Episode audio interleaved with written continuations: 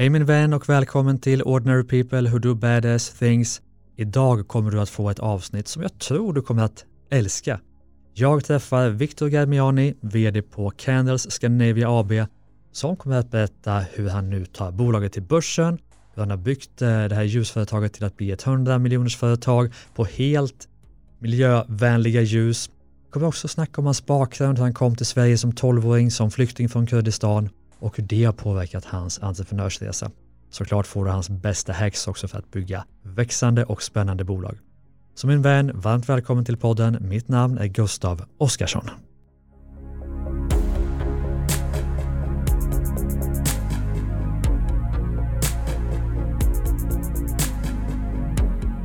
Varmt välkommen till Ordinary People Who Do Badass Things, Victor Garmiani.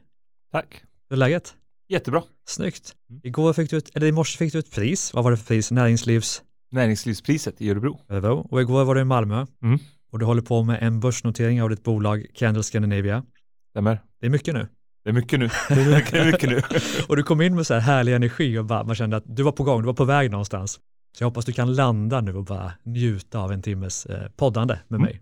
Jag är framåt. Men du, jag blir ju nyfiken såklart. Vi har mycket att snacka om idag, men vi kanske ska börja i att om en vecka så kommer ju börsnoteringens första dag, vad säger man så? Den Mm. åttonde, Mm. eh, drygt en vecka. Och ikväll stänger ni täckningsmöjligheterna. Mm. Det här måste vara otroligt stort. Hur känns det att göra en börsnotering? Det är, det är så få i världen som får möjlighet att göra det. Mm. Jag vet inte, jag har inte känt efter. Nej. ännu. men, men det känns jättebra. Det Ja. har varit eh, mycket jobb, eh, i princip ett år, Ja. eller elva månader har vi jobbat med det här, det är många involverade. Eh, och det känns jätte, jättebra. Vi vet att täckningsläget är väldigt bra och vi har fått jättestort intresse. Så nu, nu är jag faktiskt lite avslappnad, även om det inte ser ut så när jag kommer in i rummet där inspringande. Så Mm. Ehm, jag är en person som tycker att inget är klart först är klart och, och väldigt fokuserad, lite, lite halvnervös av mig och, och, och vill säkerställa allting och inte lämna något åt slumpen. Mm. Vilket innebär att under hela den här processen har det varit ständig um, checkpoints.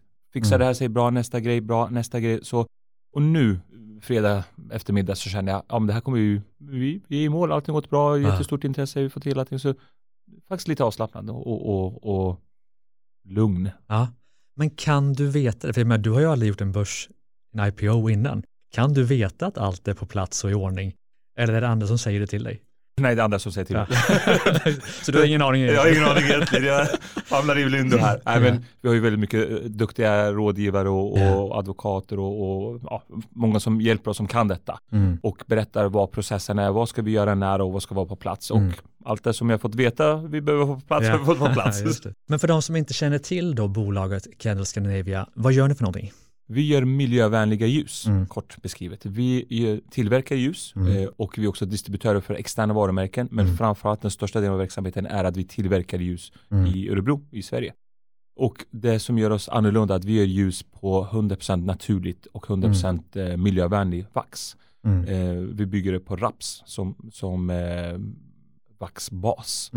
Mm. Eh, medans eh, den största delen av marknaden och de flesta av våra konkurrenter gör det på antingen 100% paraffin Mm. som är Paraffin är dåligt då. Paraffin är ju olja, fossil eh, olja man, tar upp. En del av det blir bensin, en del av det blir diesel och Ja. eh, en del blir paraffin. Mm. Eh, och de flesta gör det antingen i 100% paraffin eller så gör man i en blend där det är Ja. paraffin och naturligt. Men vi gör det i 100% naturligt. Och det brinner lika bra ändå. Alltså, va- varför gör inte alla det? Det brinner bättre. Eh, Och vad är- vad är problemet då? Ja, men problemet är att det är väldigt, väldigt svårt att tillverka. Problemet Okej. ligger i produktionsled. Ja. Väl tillverkat och man har klarat av det så är ljuset en bättre produkt, både för Mm. miljön och hälsan där man Mm. andas in och man har längre brintid och så vidare. Men det är otroligt komplicerat att producera det. Eh, och då, då är det komplicerat att producera i stor skala. Gör man ett par hundra ljus så funkar det jättebra. Mm. Men gör man det maskinellt, industriellt, vi gör 25 000 ljus per dag Mm. i vår fabrik. Det är ju en och en halv långtradare. Mm. Och där är det väldigt komplext. Och det, Och varför kan ni det? Om inte, alltså, vad kan ni som de andra inte kan? ja, vi har fyra och ett halvt års försprång, eller fyra års försprång Mm. jämfört med, med branschkollegorna. Med att vi har, eh, till att börja med så har vi aldrig haft paraffin. Mm. Vi, vi har inget arv i att vi har en paraffintillverkare Mm. som switchat om, utan vi har ingen kompetens inom det, vi är bara naturligt miljövänligt. Mm. Eh, för det andra så har vi forskat väldigt mycket, forskning utveckling. Ofta brukar jag prata om forskning och utveckling och så brukar Mm. folk säga, vadå, det är väl inget läkemedelsbolag? Ni gör ju för 17 ljus. Ja. Forskning och utveckling? Men, men vi forskar en hel del och utvecklar Mm. och, och eh, har hittat eh, metodik kring hur vi tillverkar det här. Mm. Um, och det, det är väldigt mycket grejer som kan gå, gå fel, väldigt mycket går fel. Yeah. Men vi vet, om det här händer då gör vi så, om det andra händer då gör vi det. Så vi har liksom ett, ett, setup med massa Mm. eh, erfarenheter och, och know-how i Mm. bolaget. Och är ni då, alltså, är, är ni nästan själva? Ni omsätter 100 miljoner drygt nu va? Mm. Är ni liksom själva i den här nischen i Sverige? I världen. Är globalt? I världen. Okej. Och Alltså- jag, liksom, jag kan inte förstå, för det här känns ju som att det växer jättefort. Det, det, verkar, det är miljövänligt, Mm. det blir ännu bättre. Jag kan inte liksom förstå att ni kan få vara så otouched, alltså orörda i er nisch. Nej men eh, någon gång har dragit eh, jämförelse med, med Tesla. Ja. Jag vet inte om det är bra eller dåligt, men jag drar den igen då. Liksom. Jag, jag tror att, att det, det är en bra målande jämförelse. Ja. Tittar man på Tesla och, och de var först med att göra elbilar. Det var ingen som hade elbilar, ingen som visste vad det elbilar. Nej. Jo men de gjorde elbilar, de fokuserade på det, de hade Ja. ingen arv från, från bensin och diesel, de gjorde bara elbilar Mm. och tog en ledande position. Tittar man idag ett antal år senare så har i princip varje bilmärke en bil, eller så elbils Ja. mm, park liksom med x antal Mm. modeller. Trots det är Tesla ledande och först och de som säljer mest och växer mest och så vidare. Mm. Och värderade väldigt mycket högre än alla andra. ja Mm. exakt, exakt. Mm. Tittar man, jag tittar på, på Volvo som startade sin verksamhet 1905. Mm. De gör 600 000 bilar per år medan Mm. Tesla gör 900 000 bilar per år. Mm. Och, Och, de är väldigt specialiserade och, och, och Volvo gör väldigt bra bilar. Men, Mm. men eh, lite samma jämförelse. Jag är helt säker på att väldigt många av våra branschkollegor och konkurrenter kommer också komma in och, och knäcka det här och göra 100% naturliga ljus Mm. i storskaligt. Men lagom tills de kommer dit så har vi tagit fyra år till i försprång Mm. och kommer ha en ledande position. Och, och det, det är någonting vi gör hela tiden. Vi satsar fortsatt på, på forskning och utveckling och, och förbättra. Jag blir ju som investerare själv då, dock i, inte i IPOs utan i startups. Jag blir ändå sugen på att jag vill veta mer, jag vill haka på vilka Mm. Möjligheter finns att investera i detta. Man har post till ikväll va? 23.59 ikväll, sen stänger vi. Så får det andra. Men du, och värderingen då, ni omsätter drygt 100. Mm. Vad blir värderingen när ni går in på, på börsen, Eh. på First North? 484 miljoner Ja. är värderingen. Eh, Och vinst, hur mycket var är vinsten idag i bolaget? eh, 14 procent i Mm. ebitda. Så det är som så här, jag vet ju att värderingarna ligger där, men det är ju ändå, det är ju ett klimat nu där, när värderingar generellt är väldigt höga. Hur tog ni fram värderingen? Men eh, jag var väl väldigt lite involverad i att ta Mm. fram värderingen. Det här är inte mitt område. Jag, Ja. jag kan eh, tillverka ljus och sälja ljus och, Ja. och sen så de här rådgivarna som vi pratade om. Mm. Eh, Och där tittar man på massa olika modeller. Det finns peer groups och andra man, man jämför med och kassaflödesanalyser. Mm. Och en kombination av de här landade i just det här 484 miljoner. Mm. Sen träffar vi då en hel del professionella investerare och berättar om caset och så testar man mot dem, den värderingen, den värderingen och så hittar man den här Mm. nivån. Det här tycker väldigt många är intressant. Det här Mm. är en nivå där man tycker det är bolaget värt idag. Mm. Sen ska man säga att i, i vårt fall så är det ett väldigt mycket tillväxtcase. Mm. Så man tittar ju på var är vi nu, vad kommer vi vara om 3, 4, 5 år, vad är sannolikheten att vi når det och levererar Mm. på vårt plan och baserat på det tänker man okej då är det här värderingen. Så att, Men var kommer ni vara om 3-4-5 år? Jag ska investera nu ikväll så jag måste få veta Mm, vad exakt, jag jag ska. måste veta. Ja. vad Jo men eh, så här, vi, vi har sagt att vi ska växa med minst 30% per år Mm. i många år och vi Mm. har sagt att vi ska dubbla bolagets storlek var tredje år. Mm. Och då menar jag inte de kommande tre åren utan många treårscykler. Mm. Eh, och det är jag väldigt trygg med. Att, att vi är ett tillväxtbolag med väldigt stora tillväxtmöjligheter och allt det vi gör eh, är liksom i, i den linjen. Vi bygger en ny fabrik som vi ska flytta in om ett år. Mm. Men vi har köpt en tomt som är mer än dubbelt så stor än vad den fabriken behöver. Mm. För att vi ska kunna bygga ut fabriken i etapper. Mm. Eh, de maskiner vi tittar på, kapaciteter på dem, den organisation vi bygger, vad är det för typ av nyckelmedarbetare vi rekryterar, vad kan de? Mm. De kan bygga riktiga storbolag. Så, så tittar man på alla våra actions så Mm. är det i linjen att vi ska växa, växa, växa. Mm. Och tittar man på marknaden där vi har 3 promille av den europeiska marknaden så säger man okej, 99,7% av den europeiska marknaden är fortfarande ledig för er. Mm. Eh, intresset är stort. Eh, vi har stora utmaningar i att vi har produktionskapacitetsbrist. Mm. Att vi, vi är alltid hela tiden överbelagda. Vad är det vi ska göra? Vi ska nu snabbt växa ännu mer. Mm. Eh, och det är liksom caset, ett, ett riktigt tillväxt. Men det jag inte förstår då är att ni tar ju, du har ju tagit in 25 tror jag från Ilja Bytland Mm. inom pre-IPO och sen tar du in 25 nu och ni tjänar lite pengar själva. Mm. Varför tar du inte in 200 miljoner och växer ännu snabbare? Mm, Du är inte den första som ställer den frågan. Det är ganska Nu vanligt. kommer att- jag som investerare Ja, exakt. frågor. Ja, men det är helt rätt. Helt rätt. Ja. Så är det ju. Det, det är många som tycker att sett till många andra IPO så tar vi in Mm. väldigt lite pengar. 25 Mm. miljoner är väldigt Mm. lite. 200 miljoner är mer ett normal eller Ja. mer eh, belopp. Och det beror på att vi behöver inte ta in mer pengar för att vi, Mm. vi, vi genererar ett bra kassaflöde. Vi Mm. behöver inte ta in pengar bara för att. Utan vi, vi 25 miljonerna som vi tar in nu och vi, vi tog in 25 miljoner eh, för fyra, fem månader sedan. Mm. Totalt 50 miljoner till bolaget. De behövs, de, de kommer jag göra stor nytta. Mm. Eh, men det är det beloppet vi behöver för att organiskt kunna växa med 30% per år. Mm. Eh, sen är det så att om vi tar in 250 miljoner så, så är det inte säkert att vi kan växa med, med 300% per år för det. Utan Mm. det finns en nivå också vad vi, vad vi klarar av och mäktar med att växa Mm. och utan att börja riskera saker och bli för stor växtverk och, och, och eh, det, det är en balansgång. Vi vill Mm. växa fort men vi vill inte riskera något vi vill inte heller det. eh, riskera kvalitet eller, eller personalens välmående. Så att, ja, Just det blir en snabb tillväxt ändå. Förstår. Men vad är det då, för de här höga målen, alltså växa så snabbt som ni har ambition till. Vad är det du ser som möjliga hinder som kan hindra det?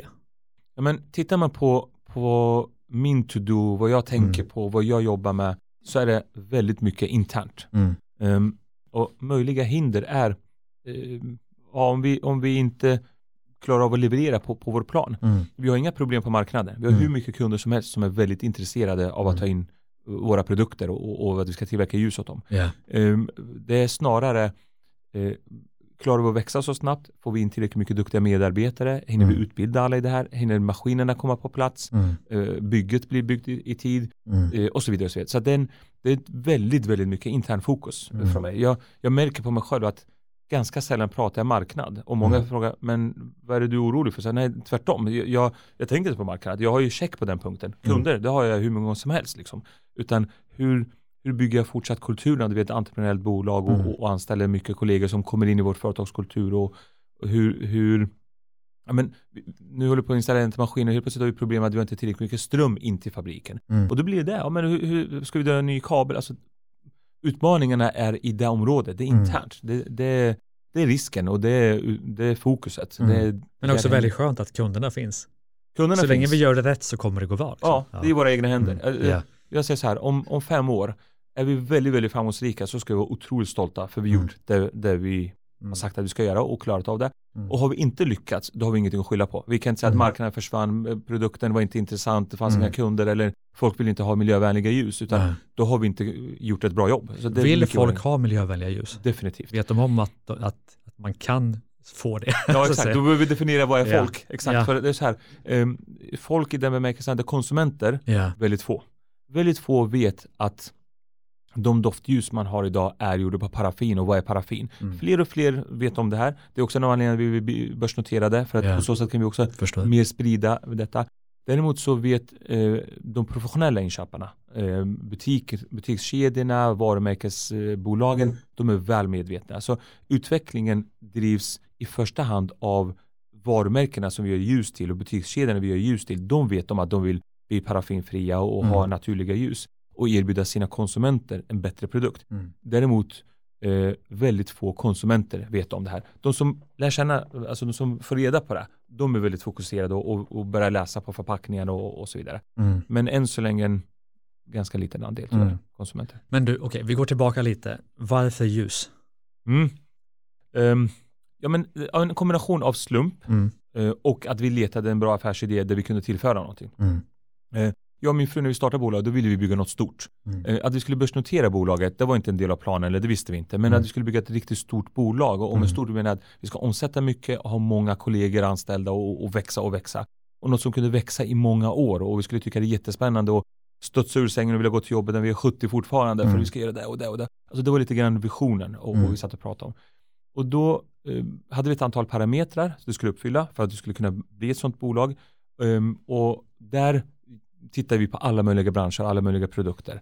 Och eh, lite slumpmässigt så upptäckte vi att ljus är en stor industri. Det Mm. omsätter väldigt, väldigt mycket pengar. Mm. Eh, återigen, vi tittar liksom på den europeiska marknaden, för det är där vi verkar. Jag, jag tittar inte speciellt mycket, eller inte alls egentligen på USA och, och Mellanöstern och Asien, även Mm. stora marknader också. Men vi är inte där, så för oss är det inte intressant. Men vi, vi verkar på den europeiska marknaden. Och i Europa är ljusmarknaden 24 miljarder kronor. Mm. Så det, det, och sen är ju USA ännu större då. Så att okej, en stor marknad, vi, vi kan växa och växa och bygga ett jättebolag och Mm. fortfarande finns det jättemycket att hämta. Okej, vad- hur kan vi då eh, vara annorlunda, vad kan vi tillföra? Mm. Och då upptäcker vi det här med att ja men branschen är väldigt paraffinfokuserade. Här, Mm. här har man inte gått miljöomställningsstegen så, Mm. många, alltså, så många steg. Eh, så vi såg en jättemöjlighet och dök in i det. Mm. Häftigt. Och du har ju sagt, eller säger då att ni lägger väldigt mycket pengar på forskning och utveckling. Gjorde ni det från start också? Ja. Det måste ni ha gjort. Men Ja. hur hade ni pengar till det? Det hade vi inte. Gjorde ni det själva då? Ja, men vi, det var nervösa tider. Det, så här, det började med att, eh, lite klyschigt, men, men i garaget hemma eh, höll jag på själv och Mm. beställde hem alla olika typer av vaxer och började blanda. Började, så här, vi var ju då distributörer för ett av världens största doftljusmärken. Mm. Så vi sålde ljus och vi sålde doftljus och vi visste exakt vad som är ett bra doftljus till ett bra doftljus, vad vi sökte. Vi hade ingen aning vilka parametrar som gjorde att vi kom dit. Mm. Men vi, vi hade målbilden väldigt, väldigt tydlig. Så vi var Mm. bra kravställare på oss själva. Mm. Och så började vi blanda och testa och eh, jag kommer inte speciellt långt om jag ska vara helt ärlig. Liksom jag fick till något som knappt brann och Mm. ja.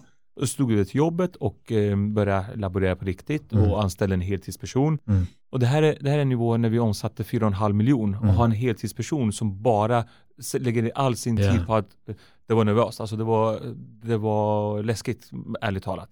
Och Är det en kemist då, eller vad är det? Nej, den, den var inte en kemist. Idag Nej. har vi en kemist. Ja. Det, var inte en kemist utan det var en, han var utbildad elektriker. men, men, men väldigt smart kille och, och, och vi, eh, varken han eller jag kunde, och det var lite grann tur för, Ja. hade vi vetat för mycket då hade vi skrämts av hur svårt det är Ja. och inte dykt in i det. Så ibland är det Mm. bra att inte veta för mycket och bara, Ja. bara kötta och köra. Mm. Men vi hade ett, ett program, vi testade olika saker, vi började lära oss vad som påverkar vad och, och så vidare.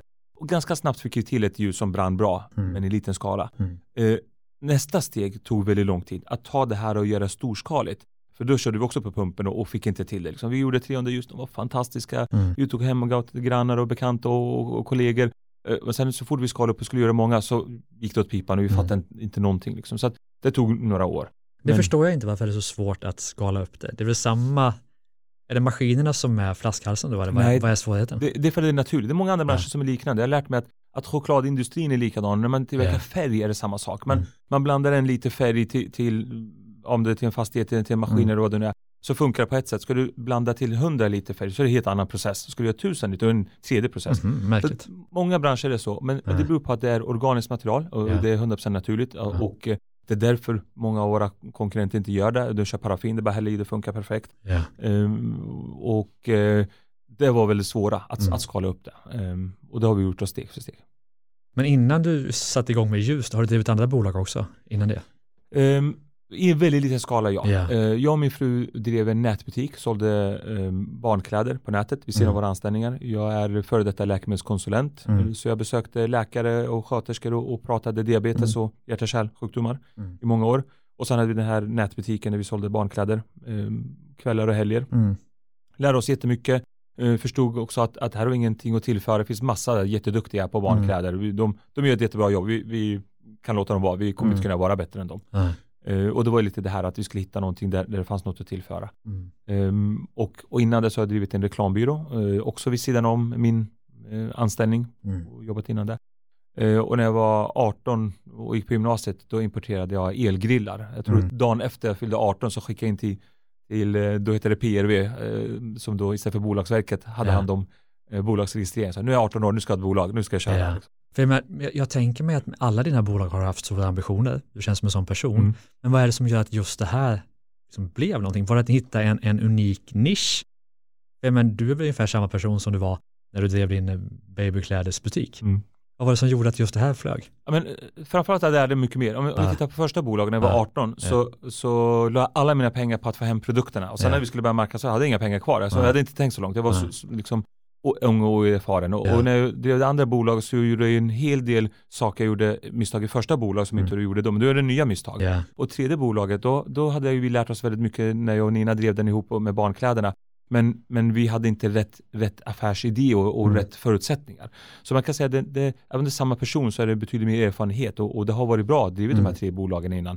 För då visste vi, de här misstagen ska vi inte göra, bolag ska ha den här potentialen och, Mm. och branschen och så vidare. Att just det här med att vi ska tillföra något i, i marknaden som är väldigt unikt. Liksom. Och ni letade också aktivt efter någonting som var extremt skalbart. Definitivt. Extremt skalbart och ehm, extremt långsiktigt. Mm. Målet var att det här bolaget ska aldrig slå i taket. Men aldrig menar jag på riktigt aldrig. Om, Mm. om tre generationer från oss så ska det fortfarande finnas tillväxtmöjligheter. Så att, ehm, vi ska kunna växa. ehm, ja, det ska inte gå, gå att ta hela marknaden, det går ju naturligtvis inte. Men det ska Mm. finnas så pass stor po- potential att det ska växa och växa och växa. Just det. Och I den här podden så älskar jag ju egentligen allra mest att prata om personen bakom bolaget. Nu har vi snackat om bolaget Mm. och det är spännande för ni är mitt i en IPO och det, jag som investerare kan inte undvika att ställa den här typen av frågor. Men du kommer ju från Kurdistan Mm. och kom till Sverige som flykting. Mm. Stämmer det? Stämmer. Vad kan du berätta om, om det? Eftersom jag, inte, jag vet inte så mycket om det. Nej. Jag bara läst det kort. Exakt, nej, men eh, jag kom hit som 12-åring, Ja. ehm, eh, slutet 89, november Ja. 89. Ehm, och eh, från Kurdistan, eh, Mm. från den iranska delen av Kurdistan. Mm. Eh, vi bodde de sista två, tre åren i, huvudstaden Teheran innan, Mm. innan vi flydde. Ehm, kom hit med eh, mamma, pappa, eh, lillebror och lillasyster. Mm. Eh, min far hade cancer och dog ganska exakt en månad efter han kom till Sverige eh, i sin cancer. Så han visste att han var döende och, och liksom ville säkerställa att, att familjen är trygga och, och verkligen få hit oss. Och jag tror det var väl det att när, när vi väl var här, han håller ut och håller ut, men när vi väl var på plats i, Mm. i Sverige och han kände att nu är de trygga, nu, nu då kunde han slappna av och eh, gick bort då, Mm. ganska exakt en månad efter han kom till Sverige. Varför flydde ni? Ja, men vi, vi flydde av att eh, min pappa var ehm, författare Mm. eh, och skrev en hel del eh, regimkritiska mm, eh, artiklar och annat eh, Ja. på den tiden. Och eh, sakta, sakta så, så blev han mer och mer eh, modig och mer och mer irriterad och skrev lite hårdare ton och sakta, Ja. sakta blev han också mer och mer känd Mm. och, och fick mer och mer eh, uppmärksamhet och publicitet för, för det han skrev. Mm. Eh, och det i kombination med att, att han var sjuk och så vidare så, så ville vi liksom eh, fly därifrån och, och säkerställa eh, säkerheten för familjen men Mm. också eh, han ville ju inte gå bort i Iran och, och med, med hur det blir för resten av familjen liksom, Mm. utan verkligen säkerställa att vi, vi Mm. kom till ett, ett tryggt land. Mm. Vet du varför han eller de valde Sverige? Ja, Var det ens ett val? ja det var ett val. Det Mm. var ett val och valet var för att vi kände inte i, i princip någon i något annat land men Nej. här, här hade vi lite lite släkt. Mm. Och då blir det så, när man, när man flyr, dels så var det där, dels visste jag att Sverige är ett väldigt bra land eh, Mm. att att komma till och, och eh, ett tryggt land och ett, ett, öppen, ett öppen land och så vidare. Mm. Eh, Men också, känner man någon i något land så vill man ju ändå gärna komma nära dem. Mm. Och eh, min morbror med familj bodde här och, och eh, så, ja, men då, då har vi någon typ av anknytning, någon som kan hjälpa oss i, i starten. Eh, Och sökte oss hit och, och eh, Sverige tog emot oss och det var ju Mm. perfekt. Hur var det för dig? Ja, men det var faktiskt mest spännande. Eh, Jag var i en ålder där jag var stor nog för att fatta grejer men ung nog för att vara rädd för vissa grejer och, Ja. och, och var- för mig var det mest spännande. Allting var nytt, allting var häftigt, allting var ja, spännande nog, nog ordet liksom. Mm. Ehm, och ehm, det var ganska tuff tid i slutet i, i, innan vi flydde i Mm. Iran. Vi, vi, eh, I och med att vi visste att vi skulle fly så Mm. hade min mamma och pappa hade liksom sålt alla grejer, hade allting var likvid. Eh, Så vi hade ingen kylskåp, vi hade en frigolitlåda där vi köpte is och hade i för att hålla eh, Mm. i varorna igång. Vi hade, allt, vi så hade en liten väska med alla pass och så mycket kontanter som möjligt för att Mm. när som helst när vi måste dra, då tar vi den och, och, och sticker liksom, en liten väska packad. Och, och börjar sälja grejer, möbler och kylskåp Mm. och tv och bara liksom skala bort alla de här grejerna och, och få så mycket cash som möjligt. Mm. Ehm, så slutet var ju en, en, och sen var pappa då blev sämre och sämre i, Ja. i, i sjukdomen då. Så slutet var, var en period där jag var, "Aj, fan, nu vill jag bara härifrån, nu vill jag bara härifrån och, och bara få någon typ av omstart. Och, och när vi väl kom hit ehm, så var det ja, men spännande och tryggt och ja, bra nu, fokusera på det nya, en ny, Mm. ny etapp liksom, i, i livet. Hur svårt eller tufft är det att komma till ett nytt land? Jag som inte har någon som helst erfarenhet av Mm. det. Hur tufft är det? Ja, Jag tror, jag tror det beror på bakgrunden, utbildningsnivå, Mm. eh, hur mycket eh, andra man känner, hur mycket hjälp man får Ja. och ålder och så vidare. Mm. Eh, det är klart det är väldigt tufft. Du Mm. börjar om hela livet på nytt. Mm. Och jag tror det som den person det har varit mest tuff för, det är min mamma som eh, var då eh, 33 år när hennes man går bort med, Mm. med tre barn eh, liksom, eh, i ett nytt land och kan inte språket, kan inte systemet, kan ingenting. Liksom hela livet eh, förändras så Mm. otroligt drastiskt. Liksom. Från att, att förlusten att, att eh, hennes man går bort till att starta om ett, ett nytt liv och, och så Mm. vidare. Så, så för henne var det nog väldigt, väldigt tufft. För mig Mm. var det spännande att ha ett nytt land och nya kompisar och skolan Mm. och nytt språk och jag hade lätt att lära mig språket och Mm. ja, men bara anpassa sig och, och, och kommer in i det. Så jag tror Mm. att ehm, och, och eh, jag har ju utbildade föräldrar, min, min pappa var civilekonom, min mamma är utbildad lärare, har Mm. lättare att, att ta till sig information och, och komma in i samhället. Mm. Jag tror många andra flyktingar kan ha haft det betydligt tuffare, liksom, svårare och, och, första stegen, första åren som Mm. är så viktiga. Mm. Eh, Men som jag sa också, vi hade ju också bekanta här och och Mm. släkt som hjälpte oss väldigt mycket i början och, och, och lärde oss systemet och hur man gör. Och, och så att, Kan du i någon form av perspektiv se att den resan som du och familjen gjorde har påverkat det du gör idag? Eller har det ingen koppling? Jo, koppling. det finns Ja. jättestor koppling. Det så, alltså, jag har tänkt på det eh, många gånger i hur jag är i mitt företagande, i det jag berättade här initialt, att jag lämnar in åt slumpen och, och Mm. säkerställer och sådana saker. Jag tror mycket kommer från, från, från den tiden. Mm. Ehm, jag jobbar väldigt mycket, väldigt många timmar. Jag tror det är Mm. för sig återkommande för de flesta entreprenörer. Mm. Men, men tidigt i livet lärde jag mig att, att jobba hårt och slita. Jag har inget Hur mycket jobbar du? Det vågar jag knappt säga, men, men, men mest hela tiden tänkte jag, men jag jobbar Mm. väldigt mycket. 60-70 timmar i veckan. Mm. eh, Men är det bra alltså? Uppskattar, investerarna, uppskattar de att du gör det eller ser de en fara i att han kan Mm. jobba för mycket, han kan, han kan gå in i väggen? Jag kommer aldrig gå in i väggen, Nej. det är jag helt säker på. Ja. Jag tycker det är väldigt roligt, jag har koll på, Ja. på, på min verksamhet ifrån min Ja. egen to-do och, och Ja. agenda. Och, eh, jag tror folk går in i väggen när man tappar kontrollen, Ja. inte för att man jobbar för många timmar. Ja. Och jag har ett system för hur jag hanterar mina dagar och, och, och min to-do-list och hur jag hinner med möten och allt. allt. Berätta, berätta om det. Nu- flyger vi lite mellan Ja, ja, ämnen exakt. här. ja, Men, men det, ja, men, eh, mitt system, det är egentligen skriva upp allt och ha to-do-list och jobba Mm. med, med prioriteringar. Så Mm. Jag, jag vet att jag hinner inte med allting, Mm. men jag är trygg i det. För jag vet att det här hinner jag inte med för att det här är viktigare. Mm. Och det ger mig en trygghet som gör att jag är inte orolig för att jag ska gå in i väggen. Jag vet att när jag kommer hem en dag efter jobbet och om det är sent, och så här, och de här åtta grejerna som jag hade tänkt att göra idag hann jag inte med. Mm. Men, men eftersom jag medvetet valde bort dem för att något annat var viktigare, Mm. så är jag ändå trygg och kan slappna av och säga okej bra, nu är det där, imorgon tar vi nya tag, får vi se Mm. vad som är viktigast att, att göra. Så just prioriteringar, att vad ska jag göra nu, vad ska jag inte göra och, och det, vi är ett tillväxtbolag, det finns alltid mer att göra än, Mm. än vad jag hinner med, det kommer alltid vara så. Men, men så länge jag aktivt tar besluten så är Mm. jag trygg i det och, och, och det är jag inte rädd för att, för att gå in i väggen för att jobba många timmar. Jag tycker det är fruktansvärt roligt Mm. att jobba, det är det bästa jag vet. Liksom. Det, Mm. jag älskar att jobba och, och Ja. jag älskar att eh, liksom, ja, men, slita och fixa och uh, milstolpar liksom hela tiden. Men kopplat till att, att ni kom till Sverige som flyktingar och eh, det, det jag hör när du pratar är att, att du har ett behov av att ha kontroll. Mm. Kan du känna så starkt? Ja. Det är väldigt Absolut. viktigt för dig. Absolut. Och vad händer då de dagar, de tillfällen när du inte har kontroll? Hur mår du då? Mycket, mycket sämre. Ja. Eh, så här är det, jag behöver inte ha kontroll, Mm. men någon som jag litar på behöver ha kontroll på det, på det ämnet. Mm. Så eh, jag har ett kontrollbehov som, som är väldigt tydligt att, att jag vill att vi i bolaget har kontroll på allting. Ett Mm. av våra värdeord är att vi vet. Mm. Vi, vi vet är ett av de tre värdeorden i, i, i bolaget. Och, och det är att vi har kontroll på det vi gör. Bra Mm. eller dåligt så vet vi. Är det något som inte funkar, då vet vi det. Mm. Då väljer vi om vi ska agera på det eller inte. Mm. Men, men jag har ju då en, en väldigt bra ledningsgrupp och väldigt duktiga eh, medarbetare runt omkring mig. Och så länge jag känner att de har kontroll på sina verksamheter, Mm. då är jag lugn. Jag behöver inte ha kontroll, jag kommer aldrig ha kontroll och det har inget eh, jag kan inte deras delar och Mm. jag kommer lägga mig i så blir det bara kaos Mm. liksom. Så att, men, Men du måste ha, för dig är tillit extremt viktigt då? för mig är tillit extremt, extremt viktigt. Jag är en sån där person som kan lätt känna mig sviken och jag blir Mm. jättebesviken för jag har så stort förtroende för folk och då förväntar Mm. mig ganska mycket. Mm. Jag har stor tillit till, till, till människor som jag har tillit till. Då har jag väldigt stor Mm. tillit till dem. Och skulle de eh, liksom inte leverera på det, då blir jag jättebesviken. Liksom. Mm.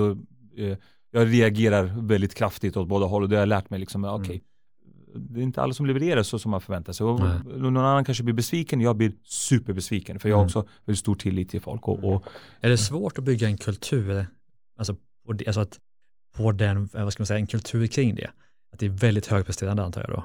nej, jag skulle inte säga att det är svårt. Ja, det är det väldigt hitta rätt personer då, men, alltså Ja. det är väldigt viktigt tänker Men, jag. men det är också väldigt mycket det här klyschiga uttrycket frihet under ansvar. Mm. Det är väldigt mycket frihet under ansvar hos Mm. oss. Och det är väldigt, väldigt eh, högpresterande, det är ett bolag med, som vill mycket, det är en kultur där vi vill mycket. Mm. Eh, när man kommer till jobbet så, så precis nedanför dörren så har vi fått massa fina diplomer, Entreprenör Ja. of the Year och Gasellpris och så vidare. Jag brukar säga att de som besöker oss kommer in och ser de här tavlorna och säger oj, oj, vad ni är framgångsrika. Mm. Men det som egentligen är väldigt viktigt att, att veta att också vi sliter väldigt hårt för detta. Mm. Alla i mitt bolag jobbar väldigt hårt och väldigt dedikerat och väldigt målfokuserat för att nå det här. Så det är liksom en, en prestation. Det pris vi fick idag, näringslivspriset, det beror ju på att vi gör ju någonting lite bättre än, än vissa andra bolag i Örebro Mm. som, som vi får uppskattning för. Mm. Och, och vilka är vi? Jo men det är inte att vi har 100% naturligt ljus eller att vi har vissa maskiner. Vi, bolaget är ju teamet, de som varje dag går till jobbet och, och, och, och krigar och, och, och presterar. Mm. Ehm, så att det, jag tycker inte det är svårt, det, det är naturligt. Vi, Ja. vi är, Men vad händer om du, om du försvinner? Imorgon, från och med imorgon kan inte du vara på bolaget. Mm, exakt. Ja men då tror jag nog en del av utvecklingen stannar upp. Ja. Eh, bolaget stannar inte upp. Och Nej. det är också en sån här sak som, som eh, jag och min fru tidigt diskuterade och bestämde att Mm. ska vi bygga ett storbolag, ja, men vad behöver vi då tänka på? Jag, Mm. Till att börja med, bolaget måste vara mycket större än Victor och Nina. Mm. Vi, vi, annars blir det så att det vi kan och det vi hinner med, det blir bolaget och that's it, det stannar där. Mm. Och det var inte vår vision. Tidigt sa vi att eh, vi är inte i eh, ljusbranschen, vi är inte heller i inredningsbranschen, vi är people management-branschen. Mm. Vårt jobb är att bygga team som hela tiden bygger sina team och som Mm. hela tiden eh, växer. Så eh, det har blivit naturligt. För många år sedan så bestämde jag att bolaget måste vara så mycket mer än, än Victor och Nina. Och det Mm. har det varit hela tiden. Det Mm. tänker vi inte på idag, och det, det, men det blir en naturlig del. Så, eh, så naturligtvis är jag viktig för bolaget och utvecklingen och, och, och, och så vidare. Men, men om jag skulle hamna i koma i två månader så, Mm. så flyter bolaget på precis som vanligt. Sen kanske inte utvecklas i, i den, den takten och, och tillväxten kanske skulle stanna Mm. av. Men, men eh, vi har sett till att, att eh, vi är ett ganska stort bolag idag och Mm. ska växa väldigt mycket mer. Och, och då, det gäller inte bara mig, utan ingen i bolaget ska vara så pass viktig att bolaget blir beroende av det. Mm. Samma sak med kunder och leverantörer och, och maskiner. Det. Och det, det går igen liksom. Mm. Som jag sa, jag är en, en lite nervös själv, så, så riskeliminering, halvmobbad på jobbet på det här med Mm. Viktor och hans riskelimineringar. Mm. Liksom det är ett ord jag ofta använder, liksom, riskeliminering. Men investerarna måste ju älska det. Ja, men det tror jag. Det De känner sig trygga förmodligen med den egenskapen hos dig. Ja men det, det, det tror jag och hoppas. Och, och återigen, ska man bygga ett riktigt, riktigt stort bolag så är det en Mm. väldigt viktig del utav det. Att Mm. Ett riktigt stort bolag blir också riktigt stora risker. Mm. Så därför är det viktigt att, att leta risker och eliminera risker tidigt. Mm. Vad, kan, vad kan gå galet? Vad Mm. kan vi förutse? Och sitter ni så liksom kvartalsvis, årsvis och tänker vad kan hända? Vad kan hända? Nej, det gör Eller är vi det så inte. i Hela DNA tiden, liksom? va- varje dag så tittar vi Mm. liksom. "Oj, det där, det, har vi koll? Jag brukar säga så här, om du ser en liten eld i något hörn, springer ifrån den så vet vi, den blir bara större. Mm. Garanterat, spring mot elden. Den naturliga människans reaktion är att springa från elden. Mm. För, för det är läskigt, åh det där problemet. Jag tittar bort och så hoppas att det löser sig. Det löser sig aldrig. Man Mm. löser det, men det löser sig aldrig. Mm. Så det, det nej, vi sitter inte kvartalsvis och, och, och, och försöker highlighta, Mm. utan varje dag så agerar vi på Mm. allting som sker och försöker eh, ta bort hinder. Mm. Liksom.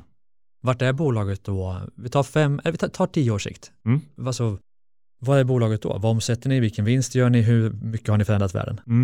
Omsättning och vinst ska jag inte säga, jag har ju gått massa Nej. utbildningar här nu när vi noterade, att hur gör man för att lämna framåtblickande siffror och så Ja. vidare och, och, och det får vi inte göra. Jag kan Nej. säga att, att jag, får, jag får lära mig massa grejer. Jag har gått kurser, så jag ska, jag ska sköta mig. Ja. Eh, ehm, nej men så här, ehm, vi kommer växa väldigt mycket. Ja. Vi kommer dubbla bolaget vart tredje år. Mm. Det, det kommer vi göra och det kan jag säga och det, Mm. det är en del av, av vår liksom case. Ehm, men, men det övriga, eh, bolaget är väldigt, väldigt stort. Vi är klart störst i Europa kan Mm. jag säga då, om tio år. Ehm, vi, På ljus eller på miljövänliga ljus? Eller miljövänliga Ja. ljus är ni störst på hela Ja, på miljövänligt så har vi varit störst redan nu Ja. för, för länge sedan. Nej, nej, på Ja, ljus. Självklart på ljus, eller- exakt. Marknaden är väldigt fragmenterad, det finns Ja. väldigt många spelare, det finns inga så jätte, jättestora spelare Ja. och, och vi vill vara det här jätte, jättestora spelare. Med flera fabriker och, och, och, och ja, men finns i flera segment. Vi har idag tre affärsområden. Uh, På tio års sikt så har vi garanterat fler affärsområden. Mm. Uh, vi är väldigt många kollegor som jobbar i bolaget, Mm. definitivt. Um, ja, och, och vi har säkert lite, lite fler produkter, vad vet jag. Det är Mm. inget som, som är planerat, men vi kanske Mm. har fler produkter, bara doftljus. Men, men där vi har en miljöaspekt, liksom, att, att är vi inte miljövänliga än alla andra, "Åh, vad ska vi då komma här och, och, och vara med? Utan vi ska leta saker och ting som vi kan göra bättre Mm. och, vara mer miljövänliga. Och eh, det hoppas att vi kan knäcka några Mm. produkter till. Alltså det är en väldigt häftig resa och den frågan jag alltid ställer i podden är ju varför just du? Varför just ni? Om du försöker se det i ett helikopterperspektiv. Mm. Att alla har ju inte gjort det här. Nej, många har gjort massa fantastiska bolag. Jo, men, och, och, men, men det är också fortfarande så liten, liten klick liksom. Ja, så är det. Ja. Nej, men, Varför eh, tillhör du den klicken som har gjort coola bolag? Ja, vi är väl lite speciella. Jag vet Ja. faktiskt inte. Det är svårt Ja. att, att, att prata om, det, om sig själv om det. Men det är väl, det är väl eh, alla har ju sina drivkrafter och, min Mm. drivkraft och, och, och det jag tycker är kul och det jag tycker är spännande det, det jag alltid tänkt på innan jag ska somna på kvällen det har ju varit så Mm. olika affärsidéer och olika tankar och bygga något stort och bygga Mm. jag, jag har alltid drömt om att när jag kommer till jobbet då har vi en stor personalparkering. Liksom bara där börjar det. Det är, mycket bilar som är underskyltade personalparkering. Ja. Mycket kollegor. Ja. När jag öppnar dörren då springer man och det, skrivaren skriver ut och, och sen går ut till fabriken. Då hör jag de här som går ut i lager. Hör den där beep, beep, beep, beep, en lastbil som håller på att Mm. Alltså det här tempot och det här att det många kollegor kommer till jobbet och, och presterar något och gör någonting mot en gemensam bild. Eh, det, jag vet inte vad det är med det, men det har attraherat mig något kopiöst. Har du alltid gjort det? Alltid, alltid. Alltså så långt jag kan komma tillbaka. När jag var 13-14 år sedan, jag ska ha ett eget bolag och, och, det ska vara mycket folk. Jag vet inte vad vi ska göra. Det ska vara mycket folk. Mycket men, men varför är det viktigt? Jag vet inte, det är bara Nej. fantastiskt roligt. Okay. Det är så uppfyllande. Varje gång jag kommer till jobbet och det är mycket kollegor och det, tempot och vi, vi, alltså det är så nice. Jag vet inte vad det är med det, men jag Är det för att bevisa det. någonting för dig själv eller är det bara för att det är kul? Alltså vad, liksom, vad kommer drivkraften ifrån? Nej, men, för det jag upplever är att alla har ju inte den. Det måste nej. vi ändå förstå att, att så är det inte. Ja, jag, jag, jag vet nej. inte, men, men för något år sedan så var det en, en, en kollega som, som jobbar på lager som kom och sa du Viktor, jag eh, har jobbat här i några år och jag är fast anställd, jag har mm. den här lönen och gått upp och så här, ja, jag tänkte köpa lägenhet, ja, vågar jag göra det? Ja, men hur trygg, hur trygg är min anställning? Ja, du är jätteduktig, du är hur trygg som helst. Mm. Varför, varför? Nej, men jag, bara, jag vill veta, jag vågar inte köpa lägenhet, jag ska ta mm. lån. Liksom. Jag vill prata med min chef, mm. absolut. Ja, och hur trygg är bolaget? Ja, men det är jättetrygg. Jag är jättetrygg i bolaget och det går bra vi kommer finnas. Så jag, kan, jag vågar gå och ta, ta lån och köpa en lägenhet för jag mm. vet att, att bolaget kommer att vara kvar och min anställning, ja, jag är hur lugn som helst. Jag kan mm. lätt gå hem och sova och, och vara trygg att, att eh, det jag halvt lovar dig här kommer, kommer vara. Och du vet, den här känslan, det levde jag på, på länge och, och fortfarande tar upp det som exempel, det är många år sedan, mm. säkert fem år sedan. Mm. Men, men just det här att, att göra och bidra till en person som nu ska ta ett stort steg och köpa en lägenhet, gå till banken, ta bolån och, och vill veta. Och så har vi byggt ett bolag här tillsammans som är så pass trygg att den här personen tar nästa steg i, i sitt liv. Liksom nu, ska, nu ska jag gå från hyreslägenhet till köparen och, och vara liksom lite otrygg och mm. gick från mötet med en trygghet. Det är, det är ju en stolthet som går inte att ta på. Liksom. Det är så fantastiskt roligt. Liksom. Det, mm det är väl det som, som jag alltid drömt om och mm. tycker att jag är med och bidrar och jag är med och, och, och gör något bra och, och, jag märker hur många mår så otroligt bra på vårt bolag av, av det vi gör. Mm. Um, det, det, finns en stolthet i det som är, som är ovärderligt, jätteroligt. Mm. Men du, nu hoppar jag lite igen mm. då, alltså kopplat till din bakgrund att du kom som flykting till Sverige och att du har drivit upp bolag och fått det att lyckas. Jag, det här är ju ett område där jag är okunnig men jag tänker att det borde finnas sjukt mycket vi kan göra för att ge fler som kommer från andra länder som flyktingar till exempel möjligheter att, att bygga bolag. För jag tror det finns en otrolig entreprenörsanda i väldigt många som kommer till Sverige. Om vi bara ställer frågan så här, vad, vad gör vi? ja men det är också så här, en kombination av många saker vi yeah. behöver göra som blir bättre. Mm. Men om man ska ta ett par, eller det kanske den viktigaste, som yeah. jag, jag, tror personligen väldigt mycket på, mm. det är mentorskap. Jag, mm. jag tror att, att uh, det finns något, något talesätt att man, man är ett snitt av de man umgås med. Yeah, yeah. Så, så tror jag att, att bara knyta ihop, för väldigt ofta är det så att man tror inte något är möjligt förrän man har sett någon göra det. Tycker man, kan han eller hon, då kan mm. väl jag också. Och sen är det möjligt. Tittar man mm. liksom på när man hoppade eh, längdhopp så, var det, så hoppar man, vad vet jag, sex meter. Alla hoppar sex meter tills mm. någon jäkel hoppar sex och en halv. Då hoppar den sämsta sex och en halv. Mm. För plötsligt är det möjligt. Yeah. Och, och det här tror jag är, är väldigt återkommande även i, i i företagsvärlden att det finns väldigt många invandrare som har goda idéer, väldigt stor drivkraft, mm. kompetens, men som kanske inte riktigt tror på sig själv, som inte riktigt vet hur man ska göra och, och knyta ihop dem med, med en annan företagare som gjort det här, som, som kan vara mentor och vägleda lite och ta bort mentala spärr. Jag tror väldigt mycket är mentala spärr, liksom, mm. att, att, få dem att, att kasta sig ut och våga. Uh, jag tror att väldigt många människor är mer kompetenta än vad de själva ger sig mm. själv cred till. Mm. Och, och, och, man behöver putta ut dem för stupet så kommer de klara av det. De måste bara våga ta steget och, och, och våga ta bort den här mentala spärren. Mm. Oftast släpper det när man ser någon annan ha gjort det. Var det, var det någon som puttade dig?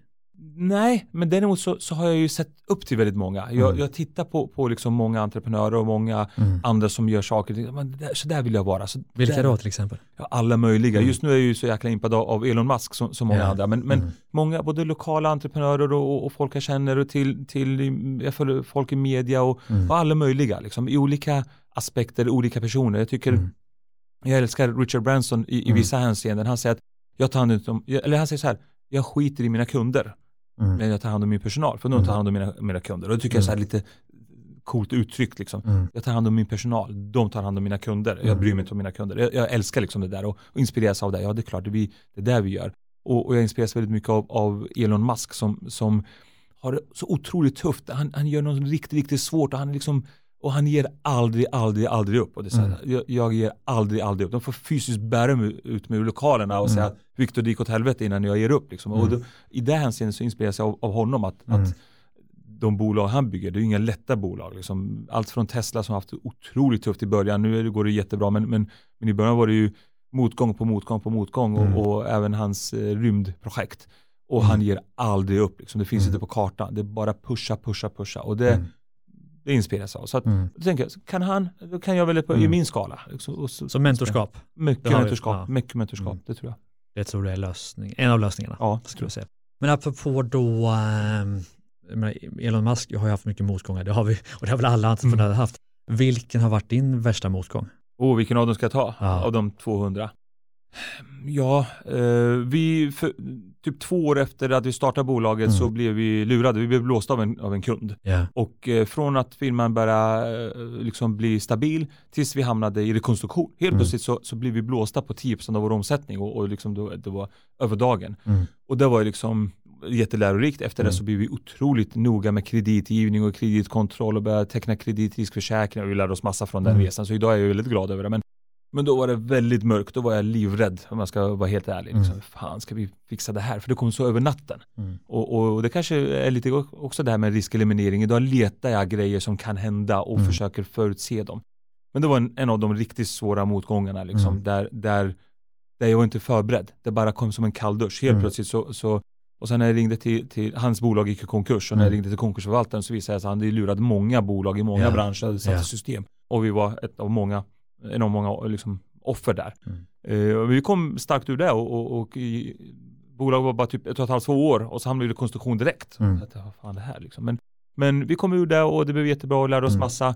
Men så har vi haft massa motgångar såklart. Vi, vi, vi bedriver en väldigt svår produktion. Väldigt, väldigt svårt att göra Mm. 100% naturliga ljus. Så varje dag har vi uh, motgångar och, utmaningar, ibland större, ibland mindre. Mm. Och de blir mindre och mindre i antal uh, idag Mm. jämfört med hur det var för fyra, fem år sedan. Men, men Men det kommer komma nya utmaningar. definitivt. Såklart, Ja, om vi ska definitivt. ta in kapital och börsen och men bara det att gå in på börsen med all kvartalsredovisning, eller kvartalsredovisning, alltså redovisning i princip hela Mm. tiden. Mm. Den är ju tuff, eller kan vara tuff i alla fall. Mm. Men du, tiden går fort. Mm. Något som jag älskar att prata om, du var ju lite inne på det med dina to-do-listor och sådär, hur du bygger upp din dag för att funka och få saker att hända. Har du fler sådana, vi kan kalla det hacks eller verktyg som du har, både för dig själv privat och i bolaget som, som hjälper dig att både vara den människa du vill vara och eh, den företagsledare du måste vara? Ja, vad skulle det kunna vara? För, Inte för... vet jag, typ att du stryker tränar varje morgon. Ingen aning. Ja, exakt. Nej, det gör jag inte. Jag, jag lyssnade på en av dina andra poddar och, och, och eh, en kille som var väldigt duktig på att investera i sig själv. Jag tänkte det här måste Ja. bli, faktiskt bli bättre på. Ja. Jag måste, måste lära mig det här. Men nej, jag har väl inte det. Utan jag, jag tycker så här att eh, det, det gäller att hitta respektive bolags eh, unikitet och, och se, se liksom vad är vi för typ av bolag. Tittar man på, på, på de som jobbar på Candles Mm. så är det ju personer som gillar tillväxt och fart och, Mm. och, och sådana saker. Och, och de som inte gillar det, de, de kommer aldrig in till oss. Och Mm. kommer de till oss så, så, så slutar de ganska fort. Så, Mm. så det blir lite, lite grann, olika bolag är olika, har olika kultur och, och attraherar olika Mm. typer av personer. Och, och det gäller liksom, jag har ingen hack så, men, men mer att man ska veta vad som gör oss till oss. Mm. Och, och, och vara medveten om det, så man jobbar med det hela tiden. Mm. Det, det är väl det, att, att verkligen gå in på djupet. Vad är det som gör oss speciella och vad är vår framgång? Och, och, så man är medveten om det och aktivt jobbar med det. Mm. Just det. Men du, låt oss avsluta med en fråga då som kanske är svår, enkel, jag vet inte. Men om du får säga ett råd till ditt 18-åriga jag som är på väg att starta sitt första bolag, Mm. verkligen vill, vill få det att hända. Och jag tänker att rådet kan vara relevant för många andra också. Mm. Vilket är det så viktigaste rådet du skulle ge då? Viktigaste rådet till, till 18-åriga jag. ehm, jag skulle säga ännu större utsträckning koll och kontroll, att veta. Mm. Att, att, eh, att veta beslutsunderlagen. Ehm, det, det har vi betydligt bättre på idag eh, och tittar jag tillbaka i tiden i början så, så kunde vi ta beslut på lite för lite fakta Mm. och det är lite läskigt och det är lite dumt och man kan ta så mycket bättre beslut, man kan komma fram till, till saker mycket snabbare. Så, Mm. så att vara lite mer analyserande än vad jag har varit. Mm. Eh, nu kanske jag pratar om, om just mig själv, jag vet inte om alla är det, men, men, men lite mer analyserande eh, Mm. i grundarbetet tror jag Mm. att jag hade haft nytta av. Spännande. För det är lite tvärt emot mot många andra som säger kör bara så lär du dig Mm. på vägen. Men jag har gjort väldigt mycket så. Ja. Det, det är ju i grund och botten väldigt mycket, den, den Mm. håller jag till 100% med. Kör Mm. bara så lär du under, Mm. under vägen. Men, men det finns en gräns. Jag, jag tror att när jag tittar tillbaka på min egen företagarresa så, Mm. så har jag kanske tagit ett steg för mycket. Jag har kört lite för mycket Ja. och, utan att kolla. Så, så Mm. jag tror att jag skulle ha nytta av att lite grann mer analysera. Mm. För att jag har varit väldigt extrem i att kör så lär vi oss Mm. allt, allt eftersom. Spännande. Mm. Stort tack Viktor för att du ville vara med. Tack själv. Och stort tack till dig som lyssnar. Härligt att ha dig med. Glöm inte att prenumerera på Ordinary People Who Do Badass Things där poddar finns och på driva-eget.se. Spana också in våra andra poddar Business Hacks och Starta Eget-podden. Stort tack för idag. Hej då!